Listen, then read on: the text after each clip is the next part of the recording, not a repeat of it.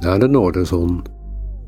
Aflevering 11. De kaaste plaats onder de Noorderzon.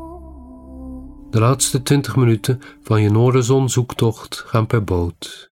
De buitenboordmotorstuurvrouw hanteert de smartphone.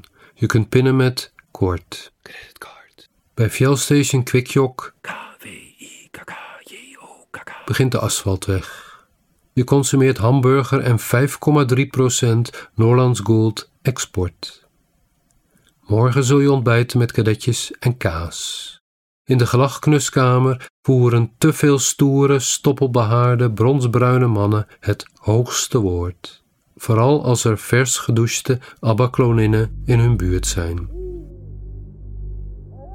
Jij herinnert je gisteren.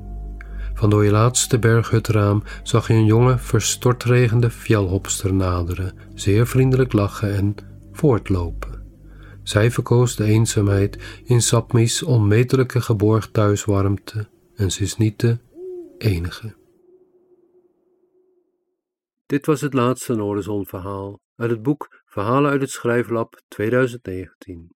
Dat boek kun je aanschaffen bij elke boekwinkel en internetboekhandel. En luister ook naar de andere podcasts op paulbraamberg.eu-podcasts.